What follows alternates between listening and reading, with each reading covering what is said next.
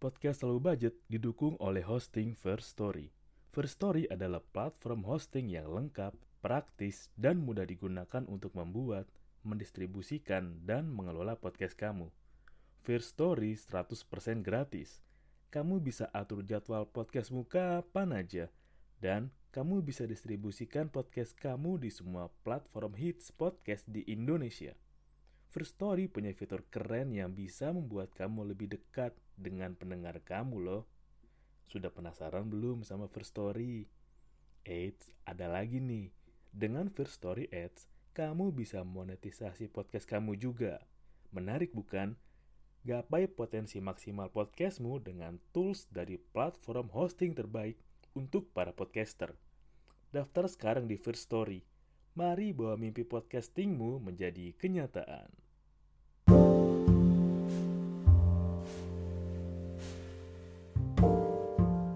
Halo semuanya, selamat datang di sini ya. Low budget, nggak harus mahal untuk nikmatin hidup. Sambil gue ngerekam ini, gue sambil nonton ini deh, uh, videonya Ibu Mega yang menanggapin di CNN Indonesia judulnya ini. Minyak goreng antre, tapi bisa beli baju baru. Lo kalau udah lihat, ya menurut gue lucu banget sih. Kayak nyamain minyak goreng sama baju baru. Ya, mohon maaf bu, mau Mega kita tidak berada di sepatu yang sama. Kita cuma beli baju baru, nggak tentu setahun sekali. Dan minyak goreng juga kita pakai bu untuk usaha, untuk dagang, untuk jualan. Jadi kebutuhan penting bu minyak goreng bu, nggak kayak baju. Jadi baju hanya momentum. Tapi gue dari kemarin cukup penasaran deh. Hmm, jadi gue punya kebiasaan, ya bisa dibilang sih bukan kebiasaan yang bagus dan kebiasaan yang bisa lu tiru ya.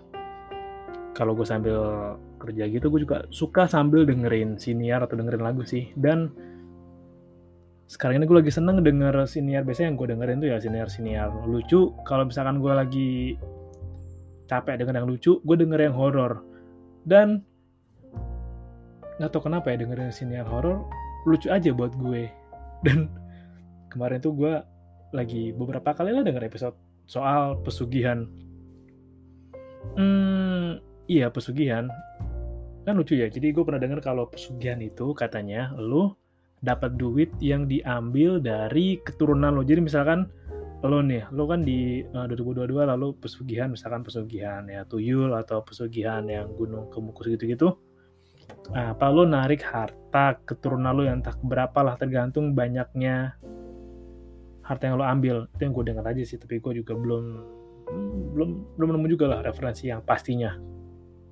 Dan ya kalau kata pesugihan pasti ada aja korbannya di entah ya nyawa bisa nyawa lu bisa nyawa orang terdekat lu atau kesehatan lu usia lu. Tapi yang lucu gue mengangkat ya soal ya ekonomiku turun oh gini uh, turunnya ekonomi naiknya pesugihan. Karena gue tadi sempat mikir oh iya ya kan kemarin kita kan lagi covid kan lagi gila-gilaan kan ya di mana kebutuhan itu tetap harus berjalan dan ketika lu punya usaha pas covid kemarin kan lu di bener-bener kehantem ya. Kerasa kok hampir 90 di atas 90% bisnis pasti kehantem sama covid kan. Dan lu bayangin aja kayak yang kena itu kan gue cuma di ibu kota di semua daerah se-Indonesia deh sampai daerah pelosok sampai usaha-usaha kecil pun. Yang ramai kayak sekarang tuh usaha kerupuk kan yang Kabarnya ketika 6 Mei nanti harga eceran kerupuk naik jadi 2000 satu bijinya. 2000 coy kayak. Ya 2000 satu kerupuk. Kalau gue dulu waktu kerja di Jakarta Utara mah emang satu kerupuk udah 2000. Gue dimakan warung soto gitu kan. Tapi kalau sekarang harga eceran terendahnya 2000 di harga warung soto berapa tuh kerupuk ya? Karena kerupuk kan ya kerupuk tuh kayak lo celupin di air, nyusut, terus lo makan hanya kriuk kriuk kriuk kayak penambah bunyi aja gitu kan dan hanya nambah estetik makan. Dan kerupuk itu juga punya karbohidrat yang tinggi juga sih. Tapi kembali ke pesugihan tadi, ya mau nggak mau ketika usaha lo bangkrut atau usaha lo gitu kan lo mesti nambah modal, karyawan lo mesti digaji dan usaha lo harus tetap jalan ini ini logika lucu aja sih logika goblok gue dan gue harap lu nggak nanggepin ini serius. Karena misalkan ang, ang, ang, anggap aja deh gue misalkan uh, gue gue punya usaha misalkan uh, jualan apa ya oh ikan bakar. Terus pas pandemi kan gue nggak boleh ke mana-mana nggak boleh keluar harus lockdown di rumah. Semingguan lah nggak bisa beli ikan karyawan gue nggak bisa datang ke warung gue buat usaha. Terus abang penjual ikannya juga nggak bisa keliling juga kan kalau misalnya lu ketemu orang random nggak pakai masker ntar covid. Selalu beli ke pasar langsung gitu kan lu lengah dikit lu lagi kurang sehat bisa kena covid. Taruh kata deh usaha gitu gue dua minggu gue nggak dagang ikan ikan bakar. Mau nggak mau kan lama-lama kan modal gue menyusut menyusut apalagi kejadian covid 2020 kemarin kan lama. Bisa jadi gue nggak jualan dua bulan tiga bulan. Nah kalau modal gue habis kan gue pusing kayak ini gue beli baju nasi aja ya. Aduh, anjing. Aduh usaha usaha susah nih aduh. Modal modal habis. Uang nggak jalan. Karyawan mesti digaji. Bentar lagi mau THR karyawan gue ngasih gimana gue ngasih THR nya anggap aja gue punya warung bakar yang lumayan punya nama lah. Lu THR karyawan gue gimana ya? Aduh uang sewa. Aduh ikan bakar gue aduh anak istri gue makan apa ya? Aduh mau minjem bank aduh bunganya. Aduh pusing. Mau minjem bank kayak. Kemarin udah sampai jual motor buat gaji karyawan udah sampai jual mobil juga. Biar karyawan bisa gue gaji beberapa bulan lah dan gue bisa kasih pesangon karyawan karena mau nggak mau gue harus kurangin karyawan kayak gue minjem ke bank. Aduh bunganya mah repot. Mau minjem pinjol bunganya gila-gilaan. Minjem 5 juta yang ke transfer 4 juta setengah 500 ribunya admin. Kembalinya cepet bunganya per hari aduh pusing. Mau minjem mana lagi ya? Minjem tetangga tetangga sulit. Minjem saudara saudara juga sulit. Aha! Pesugihan. Akhirnya gak mau nggak mau gue juga mikir pasti ya gue nggak tahu ya. Bisa jadi orang yang ketika usaha udah mentok modal lu habis ya lu cari cara cepat biar dapat dana. Karena kalau mau lintah darat lu rugi banget. Bunganya gila-gilaan. Kalau lu minjem ke pinjol gila juga bunganya. Ke bank gak mungkin juga. Karena kan lu butuh usaha yang uangnya lu bisa balikinnya yang lama lah dan gak ada bunganya. Ya pesugihan bisa jadi alternatif. Dan ini di mana lo membutuhkan skill untuk pintar-pintar cari orang yang bisa ngebantu lo pesugihan tapi nggak makan banyak ritual nggak banyak korbannya lah dan kemarin pas gue dengerin di beberapa sinar sih ada yang syaratnya ya ada yang ngorbanin usia jadi ketika lo pesugihan gitu usia lo dikurangi 10 tahun. Jadi misal usia 60 ya lo cuma hidup sampai 50 dan sisa 10 tahunnya itu lo hidup di kerajaannya dia gitu. Atau ada yang ya bisa numbalin anaknya aja deh tumbal sekali anaknya dan lo dapat kekayaannya. Atau ya kemarin gue dengar apa ya oh ada yang ini juga nih yang apa namanya yang turunan terus ada juga yang istri juga. Jadi kayak tumbal itu cuma bisa diambil dari istri lo kan orang bingung kayak cari udah deh kita cari tumbal yang aman deh. Misalkan ya misalkan uh, tumbalnya kita misalkan bisa numbalin numbalin pakai hewan aja gitu. Atau kita bisa numbalin pakai tumbuh-tumbuhan atau buah-buahan aja. Kan sebenarnya jangan-jangan ya orang tuh pakai pesugihan butuh dana darurat cepat cuman nggak mau kena bunga. Ya kan kalau misalnya orang yang pesugihan bercepat kaya menurut gue tuh orang yang tamak aja yang, yang ngerasa pengen cepet kaya pengen buru-buru kaya aja. Tapi ketika lo butuh dana cepat dan butuh sesuatu yang nggak berisiko tinggi ya bisa jadi opsi itu dilirik. Dan gue nggak tahu ya ada nggak sih kira-kira orang yang dari pesugihan nggak sengaja gitu kan kayak nyatanya pesugihan sih ya dapet dana modal aja lah 5 juta 10 juta. Pas sudah sempat waktunya habis dibalikin tiba-tiba usahanya berkembang terus jadi terus makin gede makin gede makin gede. Lama-lama masuk Forbes under 40 kan jadi orang terkaya. Karena emang dulu nggak sengaja iseng pesugihan buat dapet duit duitnya buat modal berkembang terus akhirnya lepas. Terus ya udah akhirnya jadi orang terkaya. Gue nggak penasaran sih gue gue juga penasaran gitu.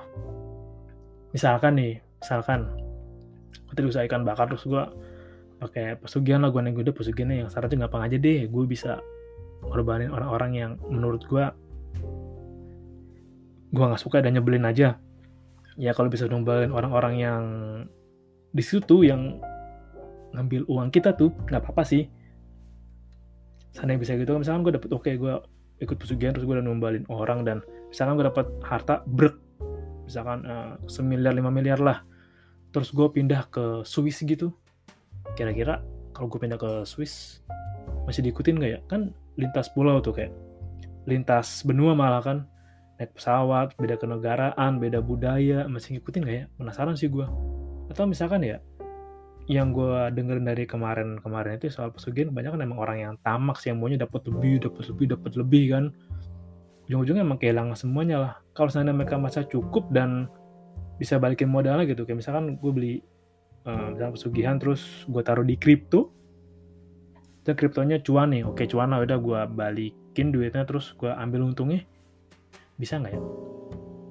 Dan gue inget sih apa uh, bang Coki pernah bilang kayak ya tumbal itu lah pinter-pinter lu aja lah nego sama dukunnya sama orang pinternya. Syaratnya gimana? Cara yang bisa seefisien mungkin saringan mungkin jadi ya nggak begitu berdampak buat lo bisa jadi kan karena emang untuk beberapa hal pun kita perlu dana darurat yang dengan risiko yang rendah kayak awal gue bilang. Apalagi ketika pas gila-gilanya kemarin covid lagi nyerang kan yang usaha lu nggak bisa jalan, ekonomi berhenti, dan lu mau minjem ke mana juga, bank pun juga mikir kayak, mau gue mau minjemin lu, punya aset apa buat dijaminin sama gue? Nilai usaha lu berapa gitu, terus jangan-jangan nilai valuasi perusahaan lu berapa lu mau minjem? Dan mau gak mau kan ya, lu harus cari alternatif lain, kayak lu mesti gaji karyawan lu, lu mesti ngasih THR mereka, dan banyak banget kehidupan yang bergantung sama lu, dan gue juga nggak tahu sih. Ketika lu bertanggung jawab terhadap kehidupan orang banyak kan gue nggak tahu itu baik apa enggak ya. Mungkin caranya salah karena ini ini jokes gue lucu sih ya menurut gue kayak ya oke okay lah kayak kita jawab. Kenapa orang pesugihan ya? Karena saya mau minjem di bank tapi bunganya mahal. Belum tentu juga di ACC pinjam pinjol DC-nya ke rumah ngeri banget. Serem kecuali misalnya lu lagi pakai pesugihan terus lu bisa numbahin orang lu pakai DC ilegal pinjam terus lu numbahin buat pesugihan. Tapi itu kan bukan cara yang baik dan bukan untuk ditiru. Karena bisa jadi kan itu bukan dana yang nggak lu pakai buat kepentingan lu pribadi tapi buat kepentingan orang banyak. Lu tetap bantu karyawan lu bisa bertahan hidup lu bantu karyawan lu buat anak-anak sekolah kebutuhan dapur terpenuhi biar bisa bayar tagihan rumah bisa buat bayar ya sekolah bayar listrik dan lainnya lah tapi emang lucu jangan-jangan ya ketika ekonomi makin turun gini orang-orang pintar makin banyak dicari lagi kayak uh, ya kita menyediakan kan juga lo pasti juga suka di nerima SMS yang iya aku kemarin terlihat utang 100 juta tapi aku ketemu dengan Kisopo. Alhamdulillah gitu kan utangku lunas syaratnya mudah. Kalau kamu minat hubungi aku juga ya. Ya pasti lo ada lah sekali dua kali dapetin SMS kayak gitu yang isinya nawarin ya dengan risiko aman risiko rendah. Gue juga nggak tahu dan nggak pingin nyoba sih. Tapi ya gimana ketika lu kepentok kepepet lu pasti harus ngakalin segala cara. Dan beberapa penasaran juga sih kalau gue bawa negeri kalau seandainya gue ngerasa cukup gitu. Wah gue bisa kan? Nah, cukup nih udah cukup cukup deh. Uh, cukup segini aja udah cukup kok udah nggak berlebih kok. Yang penting ya udah bisa jalan operasional usaha ikan bakar gue normal lagi. Ya udah nggak apa-apa nih gue ya pesugihan berdapat 50 juta buat bertahan setahun cukup lah gitu kan. Ya paling tumbalnya hewan atau hmm, sayuran buah-buahan. Ya pinter-pinter nyarinya aja. Tapi gue penasaran sih jangan-jangan nih gue punya imajinasi tolol aja kayak ya sebenarnya tuh pesugihan yang misalkan ada kita minta oh kita minta gitu kan betul aku ingin uang gitu kan yang 100 juta terus dikasih. Jangan-jangan tuh diambil dari itu lagi bank negara. Jadinya utang negara kita nambah kayak misalkan gue kerja di bank itu kan bank negara terus kerja kayak oke aset kita 6 triliun. Oke pembukuan hari ini terus pembukuan besok. Oke aset kita hari ini 5,9 triliun 900 juta. Loh kok kurang 100 juta ke mana nih? Ke mana? Tuh ketika uangnya kurang jangan-jangan kita sebenarnya yang para yang pesugihan-pesugihan ini juga bantu ikut nambah utang negara lagi. Kita nggak pernah tahu kan itu uang dari mana. Dan gue juga nggak tahu apakah bisa request ke satuan dolar ataupun sterling ya karena kan nilainya lebih tinggi gitu. Ini kalau misalkan ada pesugihan uh, mbah saya mau ikut pesugihan mbah tapi nggak apa-apa deh mbah. Sekali aja deh minta uang gambar gini ya mbah. Pound sterling misalkan 50 pounds ya nggak apa-apa deh mbah mm, iya 200 lembar aja buat sekali pakai. Sudah dapat ya udah kan kalau diterjemahin ke falas gitu untuk falas kan kayak lu dapat cuan. Tapi pertanyaan gue kalau misalnya ditukar misalnya lu dapat uang dari pesugihan dari 500 pound gitu kan pound sterling.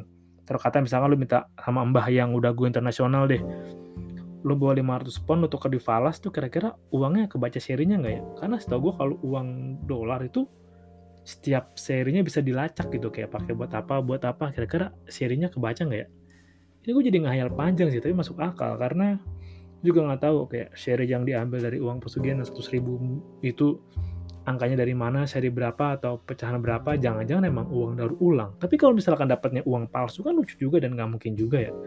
Kayak, mbak saya mau uang deh mbak, nggak apa deh mbak. Syaratnya yang gampang ya mbak, tenang nak, nih mbak kasih, cuman uangnya uang palsu ya, syaratnya gampang kok gitu kan.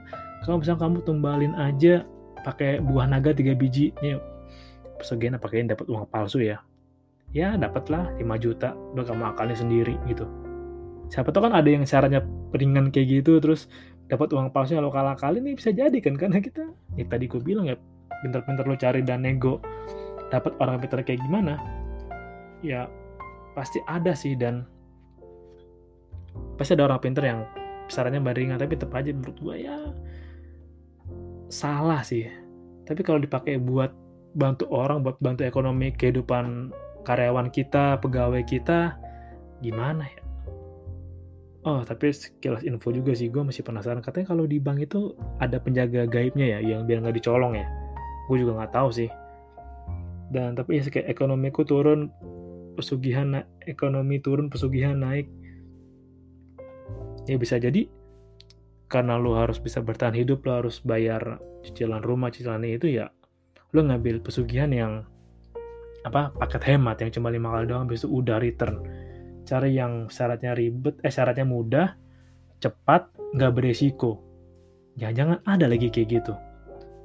Dan kalau misalkan ada juga, cuan banyak dong masyarakat dong. Terus uangnya negara nyetok uang yang keluar dapat dari mana ya? Kayak misalkan uang kecatat gitu kode seri misalkan dari 10 huruf misalkan B1 2 3 4 5 6 7 8 9 tiba-tiba loh pas banyak tak loh kok serang ini hilang loh kok serang ini hilang? Gitu. Kita nggak pernah. Gue juga masih penasaran sih kalau misalkan uang yang diambil dari pesugihan itu nomor seri diambil dari mana ya? Terus kira-kira pemerintah tahu nggak ya? Gue juga nggak tahu sih tapi ya pas gue denger kemarin di sinar-sinar dan sampai tadi gue juga dengerin emang ada sih. Ya karena masalah ekonomi keluarga jadi demi ekonominya membaik ikut tumbal itu dan bisa lolos sih. Dan iya demi kehidupan ekonomi keluarga biasa aja nggak berlebih nggak apa aja deh secukupnya aja. Tapi ya kalau bisa jangan sih cari yang bener-bener aja lah. Ya pasti secara nggak langsung kalau emang bener pesugihan itu bikin rugi keturunan lo ya kasihan keturunan lo yang di bawahnya dong ya kecuali lo bisa sustain kayak tadi gue bilang kayak lo iseng-iseng pesugihan gitu terus tiba-tiba jadi berhasil lo jadi orang Forbes masuk Forbes gitu kan jadi salah satu pengusaha terkaya ya bisa jadi uangnya malah nggak habis habis malah bisa diterusin sama penerus lu kayak kalau penerus lu kompetensi buat ngelolanya gitu kan. Karena emang ya dapetin uang sama ngelola uang itu dua hal yang berbeda sih. Hmm, jadi ngalor gitu ngomong soal pesugihan tapi ya kita harus ya gue juga sadar sih ekonomi kita turun lah karena harga makin naik dan juga udah mau lebaran kan BBM naik harga minyak juga ya katanya mau ada kemarin sebelum ini dibo juga kan kemarin ketahuan tuh siapa yang jadi mafia minyak goreng kan Dan kita belum tahu sih kira-kira setelah pelakunya ketangkep harga minyak goreng bakal turun apa enggak ya. Dan pesan gue sebelum lo sudahi mendengarkan ini jangan lupa nonton videonya Ibu Megawati yang ya minyak goreng ah, minyak apa nih? Nih gue baca judulnya di CNN nanti lah di YouTube CNN aja ya. Nih minyak goreng antre tapi beli baju baru. Enggak gitu. Apa minyak goreng antre tapi bisa beli baju baru. Nah lo bisa nonton deh. Ya nonton sambil hai aja lah jangan dibawa pusing oke? Okay? karena hidup emang udah pusing jadi ya nikmatin aja. Thank you udah dengerin dan salam low budget. Nggak harus mahal untuk nikmatin hidup. Thank you